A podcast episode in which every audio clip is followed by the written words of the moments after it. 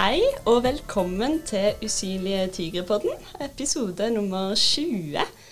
Dette her er podkasten som skal gi folk kunnskap og innsikt om rus og pårørende i Norge. Men i dag så er det ikke den eh, kjente og kjære stemmen til Jeanette dere hører. Hun har rett og slett tatt seg en velfortjent høstferie. Så i dag er det jeg, Lillian Skrede, som er her i studio. Og med meg i studio så er jeg så heldig å ha med meg to flotte karer fra Gol. Vidar Starion og Kjell Torstein Hagen. Vi skal snakke sammen om ja, rus på bygda, mindre steder. Hvordan møte mennesker med rusutfordringer. Og hvordan det kan være mulig å skape hjelpetilbud og nettverk på mindre steder. Men helt Uh, I starten så skal dere få lov å presentere dere sjøl. Så Kjell, hvem er du, og hva gjør du på? Ja, jeg er Kjell, Kjell Hagen, 49 år, og bor på Gol. Og for noen år tilbake så var det var litt kjent under litt annet navn, som Klepto-Kjell. Så det var jo litt veldig stigmatiserende. Og jeg vokste opp på Gol, som uh, lite tettsted som alle visste hvem alle var. Liksom. Og jeg gjorde mye gærent i ungdommen, jeg må innrømme det. Så jeg blei jo fort eh, ble tatt, og blei fort kjent som han som du må bare passe deg for, eller må telle fingrene dine. og så jeg hadde jo, blei jo et eh, jeg så for meg et liv Eller jeg så vel aldri meg sjøl som rus, rusfri. Jeg så for meg bare et liv som, som rusmisbruker. Liksom. Fram til nå for eh, ti år siden tok skjea en annen hånd, eller tok en ny vending. Og har nå vært eh, nå i 10. oktober så har jeg vært rusfri i ti år. Og uh, fått lov til, kan vi sikkert komme litt inn på seinere òg, at uh, i dag så jobber jeg aktivt sammen med da Vidar for å fremme brukermedvirkning og bruk av egenerfaring og likepersonsarbeid. Liksom. Og at jeg da også har blitt rusfri innenfor uh, samme kommune som jeg har gjort mye gærent og fått mange sjanser. Gang på gang på gang. Driti ut mange ganger. Men som sagt, nå i dag, ti år etterpå, så er det mange som klapper meg på skulderen og berømmer det arbeidet jeg gjør. Og det også gir jo en mestringsfølelse. Ja, det er jo kjempeinspirerende. Det er det. Virkelig. Så det er litt, så Ja, veldig flott. Hvem er, hvem er du da, Vidar? Ja, jeg, jeg, er jo blitt en voksen fyr. Jeg bør ikke si alderen akkurat her, men eh, jeg heter Vidar og er eh, ikke goding. Jeg er jo egentlig Oslo-gutt, selv om jeg har bodd litt rundt omkring. Eh, jeg er gruppeleder i Alarm i Hallingdal, og, og jobber da med, med like, likepersonsarbeidet for å, for å bidra og forsterke rusettervernet i Hallingdal. Og når vi snakker Hallingdal, så snakker vi egentlig om seks kommuner. Eh, så er det et interkommunalt samarbeid som har gjort en deal med, med Alarm for å, for å, forsterke det som er av psykisk helse og avhengighet i dalen. Og Det starta vi med for et år siden, etter at jeg selv kom ut fra, fra klinikk. Eh, forløpet til det er jo at jeg kommer fra restaurantbransjen, og det har jo vært eh, en fuktig bransje. Og, og så var jeg tolv år i Thailand, og da ble det mye jobb og mye, mye alkohol. Eh, så når jeg kom tilbake til Norge da i 2015 og møtte da en, en, hverdag i et regulert samfunn i forhold til hvordan det var å leve i et uregulert eh, Asia, så var det vanskelig å, å opprettholde den levestilen. Og, og, trengte hjelp for å få, få kontroll på rusmisbruket, rett og slett. Og, og, da kom jeg i kontakt med Alarm og flere av, av andre organisasjoner. Og fant ut at det har jeg lyst til å jobbe med i, i mitt nye rusfrie liv.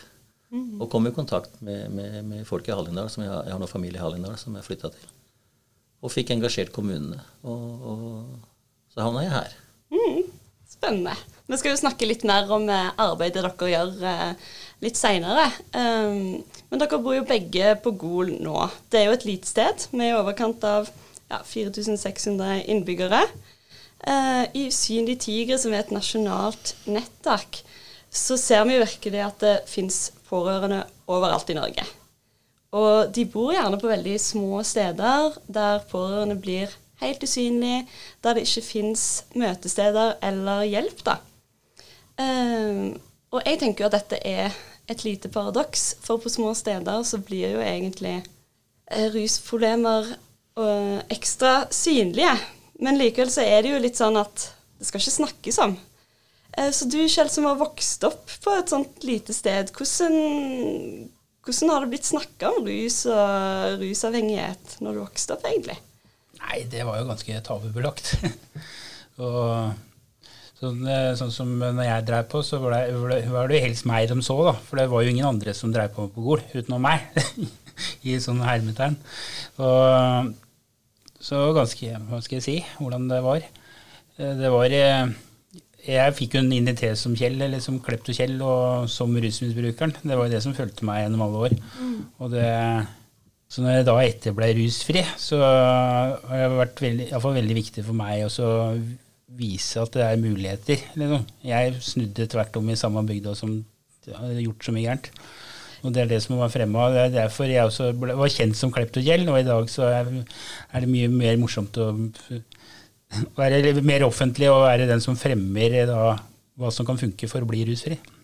Ja, for jeg leste jo et intervju med deg der du sa at um ja, den gjennomsiktigheten i, i bygda gjorde jo at du egentlig følte deg ganske sånn ja, dømt nedenom og hjem, da. Hva gjorde det med på en måte innstillingen din og motivasjonen når du var, altså, når du var allerede utpå, på? Hva, hva, gjorde det med deg? Nei, det er som du sier. Det ble jo, det ble, du får en sånn egen identitet at alle forventer jo at jeg gjør noe gærent. Så da, da er det jo samme om jeg gjør noe gærent eller ikke var det noen politiet kom til, så var det jo meg. Så det var, liksom, det var like greit å sitte i og avgjøre. Da hadde jeg gjort noe gærent, så da var det noe å innrømme. Mm. Så det blei jo en, ble en, sånn helt feil tankegang. Men så snakka vi jo litt, og da sa du at når du først var blitt rusfri, så nå syns du du er nesten litt sånn eh, stas og ekstra motivasjon, da, at folk på en måte ja, kjenner deg, kjenner bakgrunnen din og sånn, da. Så absolutt. Så det er noen som mener at jeg er litt vill på Elkot, kanskje. Da, for at jeg Fordi jeg har brukt mye av min historie da, for å fremme, fremme liksom, Ikke nødvendigvis for å fremme meg sjøl, men for å fremme liksom, eh, litt av den der verdien og at det fins muligheter. Liksom. Eh, det, det, for meg så har det blitt veldig viktig. Mm. Men Du Vidar, du har ikke vokst opp på Gol, men når du flytta dit for tre år siden, hvordan har du opplevd på en måte at det snakkes om rus og avhengighet? og eh, Hvordan har du opplevd det samfunnet der? Jeg, jeg, kom jo tilbake til Gol som si, tilbakevendt fra klinikk, og, og, kom inn i hjelpeapparatet for å, få, få, på plass livet. Det var jo relativt på plass, men allikevel så var jeg inne i hjelpeapparatet. Psykisk helse og avhengighet. Og, og øh, møtte jo en sånn stigmatisering, og, etter hvert som jeg begynte å jobbe med, med, med, psykisk helse og meg selv, og kom inn i kontakt med andre og oppretta snugrupper, så er det veldig sånn bygdedyre øh, Jeg er ikke en del av dem. Eh, selv om man har problemer, så vil man ikke anerkjenne sin egen, sin egen situasjon. Og det er litt mer synlig, og, og mange, mange, av, de som jeg møter, har jo da rusa seg opp gjennom, eh, i fellesskap gjennom hele barndommen, ungdomstid og oppvekst.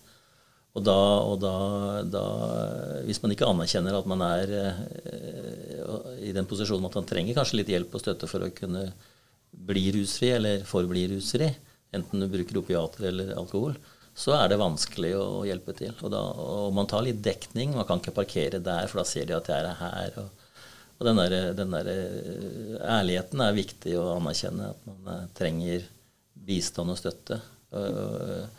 Men det er også gjelder det pårørende, at det er veldig pårørende. Det er den skammen med at eh, naboene skal ikke vite at de har en, en i familien som, som sliter. Da kan man heller ikke møte på pårørendegrupper, for da kanskje naboen ser at de har vært der. Så det er, det er en del utfordringer som, som er mye mer oppe i dagen enn du møter i mer sentrale strøk. da. Ja, ikke sant. Og der snakka vi jo litt om før denne innspillingen om eh, eh, Dere er jo begge med i Alarm, eller har vært med i Alarm begge to. Um, og du var først inne i snugruppen og Alarm i Drammen, og så klarte du å starte opp uh, uh, i Hallingdal eller på Gol. Um, hva har vært utfordringen der med å kunne Eh, få en sånn gruppe til å fungere eh, på Gol, og kontra Drammen, som er mye, en stor by, da? Ja, det første vi opplevde, eh, jeg sier vi, for Kjell var også en del av dette, og, og flere til, det var jo at å få, få hjelpeapparatet, det offentlige, til å forstå likepersonsarbeidet, hvor viktig det var. fordi de, Der sitter også mye fagfolk som har motforestillinger mot og har meninger om at uh, Kan ikke du forklare litt hva likepersonsarbeid er? Ja, det, er jo, det er jo en person som, som har en, en, form for rusbakgrunn eller, eller psykisk uh, helseproblembakgrunn. Og det, det, Likeperson er jo også hvis du er i kreftbehandling, at du snakker med en person som har gått gjennom behandlingsløpet, forløpet, før du selv skal inn i det. Så likepersonsarbeidet liker jo egentlig på veldig mange, mange, nivåer. Men akkurat dette her så er det jo rus og avhengighet vi, vi snakker om. Og, og, og, eh, det har noe med tilliten til den eh, rusmisbrukeren eller tidligere rusmisbrukeren å kunne finne ut og forstå at jeg, Det er ikke bare å si at 'jeg skjønner hva du mener', men jeg har faktisk vært der, så jeg vet hva du mener. Og Da får du en helt annen tillit, tillit i kommunikasjonen. Og det er jo noe av dynamikken i snugruppa, bl.a. At du slipper å, å, late som eller gjøre deg til, og du slipper å bruke tid på å forklare åpenbare ting for at kollegaene eller vennene dine eller gruppa brukerne rundt deg har vært gjennom det samme, så du, du slipper å, å, forklare situasjonen din. Du kan gå rett på det som er din deling av det som er dine, dine ønsker å, å, jobbe med. Mm. Og det var litt vanskelig å få, få, Det satt jo folk i hjelpeapparatet da, i, i, i psykisk helse som sier at uh, ja, men jeg har jo, jeg har jo pårørendebakgrunn. Ja, men, men du har ikke likepersonsbakgrunn fra rus. Du har en pårørendebakgrunn. Det er ikke helt det samme. Og, og, og, det tok litt tid for å få kommunene til å forstå, for det sitter mye folk, faglig dyktige folk, men ikke alltid like oppdatert på, på, på det på gulvet. Så har de veldig sterke meninger om hva som virker og ikke virker. Mm. Så, så, det tok litt tid for å, for å, få dem til å innse at, at, at like barn leker best innimellom. Ja, og så snakka vi Vi har jo vært inne på det med skam for pårørende, da. Ehm, men hvordan har det på en måte vært en utfordring med tanke på å starte opp eh, gruppe på et mindre sted? Ja, det er, jo, det er jo det vi oppdager når vi, skal, når vi, når vi har grupper. og så blir jo kjent med mye folk rundt i dalen. Men det er ikke så lett å få dem inn i gruppa. Det er den der anerkjenne at man har et problem, og så er det den der at noen ser meg. og Én eh, kunne ikke komme gruppa fordi, fordi vi hadde beliggenheten var feil, for noen ville se at han kom kjørende og parkerte der, og da ville de tro at han var der inne. Så han, da, han var jo da ikke ferdig med Han er rusfri over lang tid, men ikke ferdig med det at de skal ikke vite om at han har hatt det rusproblemet, selv om alle rundt han vet det. Men så han lever jo med den skammen at det er vanskelig å anerkjenne det og, og ta det tiltaket. Så han er absolutt en som burde vært i gruppa, men sliter med at uh, Hva hvis de andre ser meg? Det er jo typisk den skammen som man bærer på. da. Ofte så, ofte så er jo den skammen man legger på seg selv, det er jo ikke andre legger på det. Vi opplever jo det, og spesielt også med Kjell, at, at når, når, man gjør et bra stykke innsats og får det til, så står jo samfunnet, storsamfunnet og heier på deg og hjelper til og syns det er kjempeflott.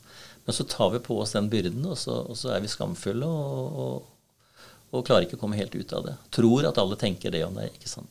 Ja, Det blir jo så synlig på sånne steder at du går i en sånn gruppe, mens gjerne i sånn ja, Drammen eller større byer så som vi snakka om tidligere eh, før innspillingen, at da, da, har du flere grupper å spille på. da. Eh, så hvis det er noen du kjenner i den ene gruppen, så kan du gå til den andre hvis du ikke ønsker at ja, folk skal se deg. Du har jo òg snakka om at det var litt sånn logistikkproblemer, rett og slett, med folk som kommer langveis fra. Ja, jeg vet at når du, når du, sitter med en gruppe i Drammen eller der i Sandefjord eller kanskje i Oslo, så, så har du både offentlig kommunikasjon og det er kort, eh, kanskje spaseravstand. Men når vi jobber med, med, med Flå kommune, så er en time opp til Gol med bil. Og Nesbyen er 20 minutter, Ål 20 minutter, Geilo 35-40 minutter, Hemsedal en halvtime. Og mange av, disse, mange av, de som vi jobber med, de har jo kanskje eh, mista førerkortet for en tid fordi de har vært i behandling, og det er noe som, noe som, som beklageligvis skjer, men kanskje nødvendig. De er jo avhengig av å, å få transport. Mm. Det er også en av de grunnene til at vi jobber tett med kommunene. fordi at eh, for Da får vi kommunene, noen av kommunene være så snille at de kjører brukerne ned til snugruppa på de dagene vi har, hvis de melder fra. Ja. Så vi er jo avhengig av, da, av støtteapparat rundt. Da, ikke bare åpne opp en gruppe en tirsdag og si velkommen, men at de må faktisk komme seg dit. Og så kommer de kanskje med bussen fra Ål til gruppa, og så kommer de seg ikke hjem. For det går ikke noe, noe særlig buss og tog så, sånn ute. Så det er jo klart utfordringer man har ute i provinsen som man ikke møter da i sentralhold. Ja. Men du Kjell, siden du har vokst opp i Gol, så har du jo Du sa jo sjøl at du har jo blitt godt kjent eh, både pga. bakgrunnen din og sånt. da. Hvordan har det vært i prosessen når du skulle bli rusfri, og at du gjerne skulle starte på sånne eh, grupper og starte tilfriskningsfasen din? Hvordan har du følt på det? Nei, en tilfriskning Hvordan skal jeg kalle det? Det har jo vært liksom sånn der Første tida så var det liksom sånn der for å peke litt nese da, til for Jeg har jo ikke vært i noe, noe ordinært arbeidsliv før for tolv år siden. Da, ble jeg vel da fikk jeg et krav fra Aetat at Kjell, nå er det på tide du skal ut i jobb. Da er jeg liksom tre år fra gata i Oslo bak meg. Liksom, var en av de første selgerne til å selge lik Oslo. Liksom, jeg, men så står jeg på Gol, da, uten at jeg, liksom, for at jeg da skal få beholde penger, så må jeg begynne å jobbe. Og da får jeg jeg sier at jeg får ikke jobb på Gol. Jeg får ikke jobb noen sted. Jeg er jo klept til Kjell. Ja, men eh, du må for å få beholde penga. Så da fikk jeg valg da, mellom attførings eh, som heter Vind, og så Fretex. Fretex har vel alle hørt om. Og jeg hadde jo bra relasjoner egentlig til Fretex, eller Frelsesarmen generelt, fra tida i Oslo. Så jeg sier la meg prøve der, da.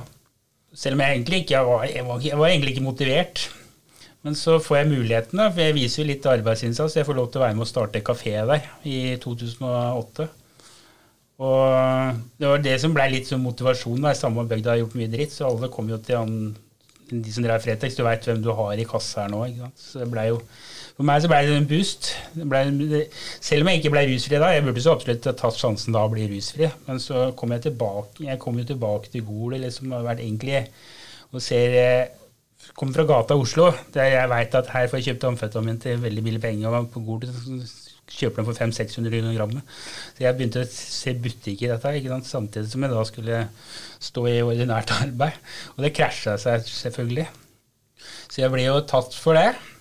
Men jeg får en ny sjanse igjen da, etter urinprøver og diverse ting. Da. Så i 2009 så får jeg mulighet til å begynne på Rema 1000 på Gol. Noe som jeg egentlig aldri har sett for meg, at jeg skulle få en dagligvarebutikk. For jeg var jo liksom jeg ble jeg var jo den som ble mest Når jeg kom inn i en butikk, så hadde jeg liksom butikksjefen bak meg hele tida. så fikk jeg den muligheten på Rema da, hos han som, som ble sjefen min. Han, eh, han, hadde egentlig ikke noen arbeidsplass, men han gir meg en mulighet allikevel, mot at Nav da går inn og betaler første året. Liksom. Så vil han gi meg en mulighet. Mm. Sånn, og der burde jeg egentlig bare tatt yes. ikke sant? Men så sklir jeg ut på igjen. da, det er liksom, Du har med deg nissen på lasset hele tida. Liksom, så det er liksom det, er det livet du kan. ikke sant? Tror det er. Så, så gjorde jeg en bra jobb der det året, da, selv om jeg da hadde dobbelt fram og tilbake til Oslo. og sånn. For meg, da, det var vel det som var endringen, som jeg sa i stad, ti år siden, så ble jeg tatt for eh, omsetning og oppbevaring og salg av amfetamin i større greier. Jeg ble vel egentlig, hadde vel vært mistenkt over lengre tid da, som et litt større ledd enn det jeg egentlig var. Men i Gol så ble jeg tatt for 130 gram amfetamin. Noe som ble sett på som anselige mengder. Og jeg ville egentlig ikke si så veldig mye, så jeg ble putta i varetekt. Og når jeg kommer i varetekt, så ser jeg liksom nå ryker alt. Nå ryker jobben på Rema 1000. Alt, alt ryker nå ikke sant, for meg. Så jeg velger da å heller legge korta over bordet liksom, for å slippe ut av varetekten og komme meg litt Selv om jeg helt ikke vil hvilken plattform jeg sto på. Men uh, det som møter meg den dagen, da, den dagen etter jeg slipper ut av varetekt, så møter jeg på sjefen min på Rema 1000. Og jeg var jo ikke særlig høy i hatten. Men som han sier, han så på meg fryktelig skuffa. 'Kjell, dette hadde jeg aldri forventa av deg. Ikke etter de sjansene jeg har gitt deg nå.' Men du har ikke gjort meg noe gærent. Du har ikke gjort butikken min noe gærent. Så hold deg rusfri fra i dag, så skal du få en ny sjanse hos meg. Og det var, det, for meg så ble det vendepunktet. Det ble jo endringen for ja. meg. Da, for vi, at det var en som var satt der, eller som, som sto der foran meg, som turte å gi meg en ny sjanse. Så tok du virkelig sjansen? Jeg veit ikke hvor mange sånne sjefer det finnes. da. Nei, det finnes sikkert veldig mange, heldigvis for det, men han var faen som ga meg muligheten. Hadde ikke han gjort det den gangen, så veit ikke jeg hvor jeg har sittet i dag. Jeg hadde forespeila to års fengsel og sånne ting. Mm. Så det, det, var det som var endringen for meg. Så jeg ble og da kommer vi litt inn på neste tema, på en måte hvordan møter folk med rusutfordringer, da. Så da tenker jeg litt sånn Alarm, det handler jo veldig mye om det. Eh, og i tillegg så har jo, har jo du starta et seminar for fem år siden som du kaller ja, du kaller for barnet ditt, da. og det, det setter jo virkelig mennesker med ja, både psykiske utfordringer og rusutfordringer på agendaen. da. Og da tenker jeg, Hva er det som har vært viktig for deg um, i måten folk møter deg på? da? Så absolutt, Jeg vil fortelle litt i, litt i forkant hvordan de seminarene oppsto. Liksom, for jeg blei jo da rusfri i 2010, og jeg var jo liksom fornøyd med det. og Jobba jo på Rema 1000, og jeg blei litt arbeidsnarkoman, som sagt, så jeg jobba jo liksom mye i fire år. Jeg var litt stolt av meg sjøl, at jeg liksom hadde da blitt rusfri og alt sammen. Jeg tenkte ikke noe mer over det. Men i 2014 så ble jeg spurt om jeg kunne tenkt meg å stille opp i et intervju med lokalavisa. Tenkte jeg ja, kan bruke historien min til noe konstruktivt, så gjør gjerne det. Så jeg stiller opp med det. Og så sier jeg liksom, For jeg tenkte at jeg greide å bli rusfri, så da greier jo alle å bli det. ikke sant? det var min tanke da. Og så blir jo ganske godt mottatt det intervjuet. Og så sier jeg til kommunene liksom, at bruk gjerne historien min ut til skoler overalt. liksom. Der det føler må passe. Så ble jeg møtt med det. det er Kjell, det er bra det engasjementet du har, men i Gol kommune har vi en bevisst strategi om ikke bruke tidlig rusmisbruk i verken forebyggende eller rehabilitering. Ja, ikke sant. Jeg må jo bare poengtere det med en gang at det har heldigvis snudd seg 360 grader til rundt siden den gangen. da. Men det blei jo sånn litt Hæ? tenkte jeg. Så hvordan er det mulig? Liksom? Ikke det at jeg sitter med noen universalnøkkel, da, men jeg ser jo på liksom sånn verdi at det, det går an å snu, selv om du ikke har vært inne i rehabilitering eller avrusning. Det er mange ganger kun motivasjonen det egentlig skorter litt på. Med feedback, selvfølgelig. At du har noen i ryggen, sånn som jeg hadde sjefen min liksom, den gangen.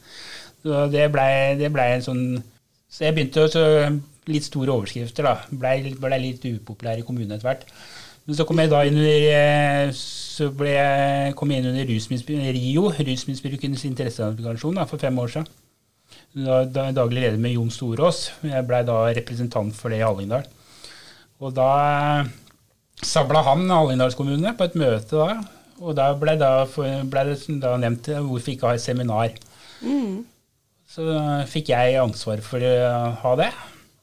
Liksom. Det er det som er det gøy. Da, som jeg har sagt, det har jo blitt barnet mitt. Nå er det femte gangen i femte året. Ja, og det har jo bare utvikla seg og utvikla seg. Etter hvert så har du jo fått inn et pårørendeperspektiv i det seminaret òg, da. Ikke sant. Det er det som er, det som er det gøy. For det, første gang så var det bare for å fremme verdien av likepersonsarbeid. Men så har jeg liksom i den tida jeg har vært rusfri, så har jeg blitt kontakta av mange pårørende. Liksom, 'Hvordan greide du det? Er det noen muligheter? Kan du komme med tips?' ikke sant? Og som jeg har sagt, at jeg kan jo bare fortelle, prate ut av meg sjøl.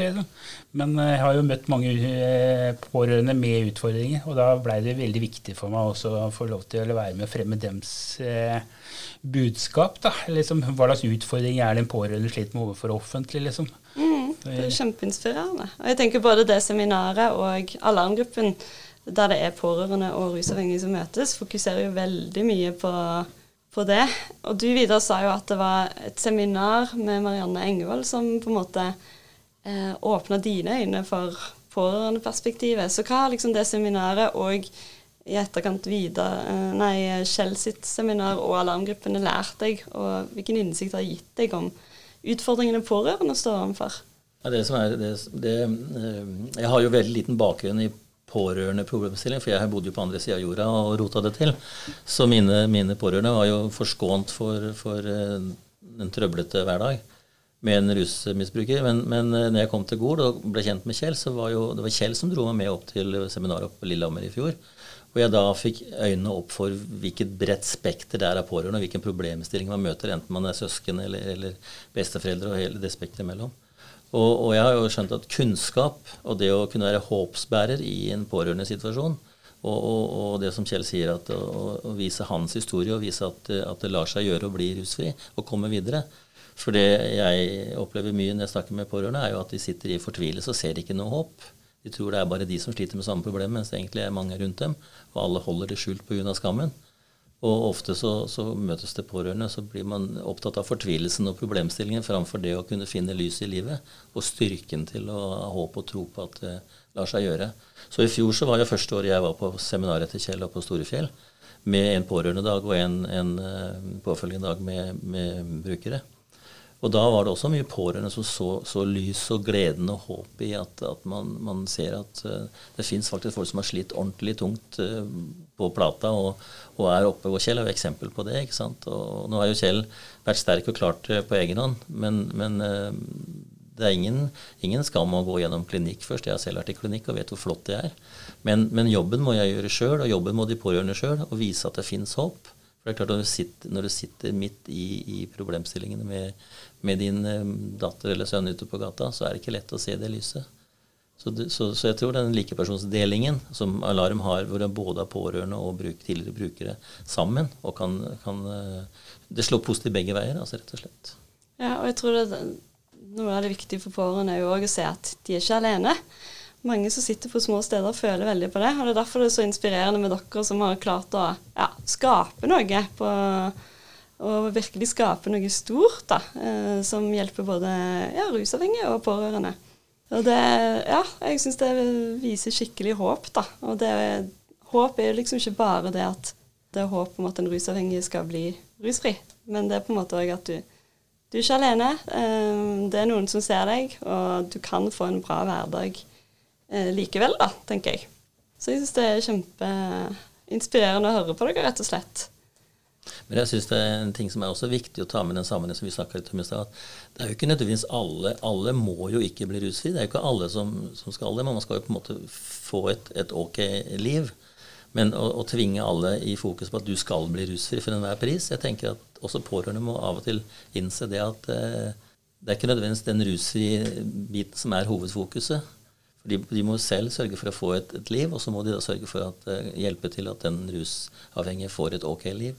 Mm. Men å tvinge folk til å bli rusfri Så folk som ikke vil ha hjelp, er det umulig å hjelpe. Mm. Så man må komme til det knekkpunktet som Kjell var heldig å få med sin sjef, ikke sant? og som andre må finne sin motivasjon. Det kan være en bestefar, det kan være en arbeidsgiver, det kan være en hund. ikke sant? Som gjør at nå, nå har jeg nådd mitt knekkpunkt, og så trenger man da den støtten videre. Ja, og den støtten videre den kan òg være ganske utfordrende for pårørende. da. Det er litt sånn ja, Den rusavhengige kan være i tilfriskning og ikke ruse seg lenger.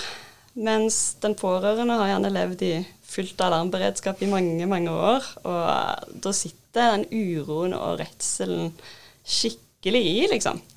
Og så, så skal liksom den rusavhengige tilfriske og er i sin prosess. Um, og da er egentlig litt mitt spørsmål til deg, Kjell. Hvordan er det på en måte greit å kommunisere disse følelsene fra pårørende sin side om den usikkerheten rundt den nye situasjonen? At, at du kanskje du føler deg ikke sikker sjøl på at en rusavhengig kanskje vil klare det, at du sliter ennå med, med, ditt. da. Eh, hvordan kan han best mulig ha en dialog om dette her? Nei, Det er et vanskelig, et vanskelig tema. Det tar en lang stund. Ser bare på mora mi ringte vel og vekte meg, eller skulle vekke meg i to år etter jeg begynte å jobbe. liksom. Ja, ikke sant. sikker på at nei, nå forsover han seg, nå blir han borte. Så det ble vanskelig. Det er, det jo, det er jo ikke noe, det er jo ikke noe fasitsvar der heller. Det, det, kan ta tid, liksom. Det for det er ikke gjort på en uke eller to måneder. liksom. Det er ikke noe som du som tidlig, Om du da har vært også rusfri i tre måneder, så er det, det skal, du skal tilbake i et samfunn som skal begynne å stole på deg. og det, det, det, tar, det tar, tid noen ganger. Men det er at du må tro på det sjøl. Og så må jo den pårørende også da velge, må jo bare velge å tro på at han vil. ikke sant? Men er det liksom greit å kommunisere de, altså, de gangene han kanskje har en litt sånn nedeperiode, føler seg litt usikker og sliter med tankene. da. Ja. Tenker, for det, da kan han jo fort føle at han ikke støtter den rusavhengige i sin tilfriskning i det hele tatt, da, og ødelegger den prosessen. Men tenker du at det er greit med den åpenheten? Det er det er vel viktigste, å være åpen. Mm. Det er, det er sånn jeg Det er jo derfor også, som jeg sier, at jeg har jo lagt lista for meg sjøl, for jeg har vært ganske åpen, og at det er vel ikke så mange hemmeligheter i livet mitt, liksom. Sånn sett. Det har vært. Men det har vært, det har vært litt for meg sjøl også, med tanke på at jeg har lagt lista så høyt at eh, hvis jeg skulle ryke utpå, så da er det ikke Da har jeg driti meg så fælt at jeg ikke Nei. Så jeg har liksom lagt den lista. mm. Jeg tror vi rett og slett må runde av. Tiden løper fra oss her. Eh, men helt til slutt så har jeg lyst til å spørre hver enkelt av dere om det er eh, om det er noe vi ikke har snakka om, så dere vil at eh, lytterne av denne podkasten skal, skal, høre. om. kan du starte med deg, Birger? Ja, jeg tenker litt på det der Det handler jo ikke alltid om, om hvor mange, mange, mange ganger tilbakeanfall og sprekker. Jeg tenker det handler mye om hvor mange ganger du klarer å reise deg. Og hvis du da er flink til å, å søke hjelp og støtte i snugrupper eller AA eller NA eller andre, andre typer likepersonsarbeid, så vil du til slutt klare å forbli rusfri. For alle kan bli rusfri, men ikke forbli rusfri nødvendigvis uten det støtteapparatet. Så, så ha fokus på det hver gang du klarer å reise deg som, for, som pårørende og, og, kollega og venn. Mm, Så tror jeg det, det er styrke i det. Ja, Det er sant. Du da, Kjell, har du noe du vil formidle? Jeg må jo støtte meg litt på det Vidar, da. Men uh, vi har jo vært inne på det seminaret nå. Ikke som jeg anser som en uh, som var, Det starta jo egentlig som et, som et seminar for Hallingdals kommune for at de skulle åpne opp øynene, men nå er det jo blitt kommer fra hele landet. Og det er jo ment som for, som Vidar var inne på i stad, at man ja, hvordan møte mennesker. Liksom. Det er også for, ikke nødvendigvis for pårørende, liksom, selv om det også er jo et eh, fint sted og en møteplass for å se at det, oi, jeg er ikke aleine om dette. Men det er også en viktig plass for eh, fagfeltet. For å, møte, for å se eh, virkelig hvordan eh, pårørende er. Som sønnen til Anniken Nordengen, som da er lik Oslo-selger, ja. kom jo Alexander Nordengen. Hvordan det var å vokse opp med to rusavhengige foreldre. Og det vil jo også fremme, eller fremmer også denne møte med hverandre. Liksom. Mm. Får forståelse av at jeg er ikke aleine. Mm. Samtidig som du kan få litt andre perspektiver. Liksom. Du får nye kontaktflater, du får ny nettverksbygging, du får litt annen inspirasjon. Og som du sier, få hjelpeapparatet på banen. Da. Eh, det tar jo ofte ekstremt lang tid før pårørende sjøl innser at de er pårørende. Ja. Og da kan man jo bare tenke hvor lang tid det kan ta før hjelpeapparatet Så tenker jeg også verdien av samhandling og samarbeid, da, som Vidar er i Alarm, og jeg er i Foreningen for helhetlig ruspolitikk. Liksom. Men, men, jeg tenker viktigheten av samarbeid òg, mm. både, både, mellom foreninger og de fagansatte. Liksom. At vi da går på tvers, at vi kan være utbytte av hverandre. da. Ja, dere har jo fått et kjempebra interkommunalt samarbeid og mellom organisasjoner og sånt. Det er jo ja, veldig flott. Så det håper jeg mange av lytterne av denne podkasten tar med seg. og at det fins ildsjeler der ute som kan gjøre det samme på sitt sted. Men i hvert fall tusen, tusen takk for at dere ville være med i denne podkasten og har delt av deres erfaringer. Det har vært veldig fint å ha dere med. Eh, og til dere lyttere, takk for at dere hører på. Så finner dere flere episoder på Spotify, iTunes og andre steder dere kan laste ned podkaster. Vi høres.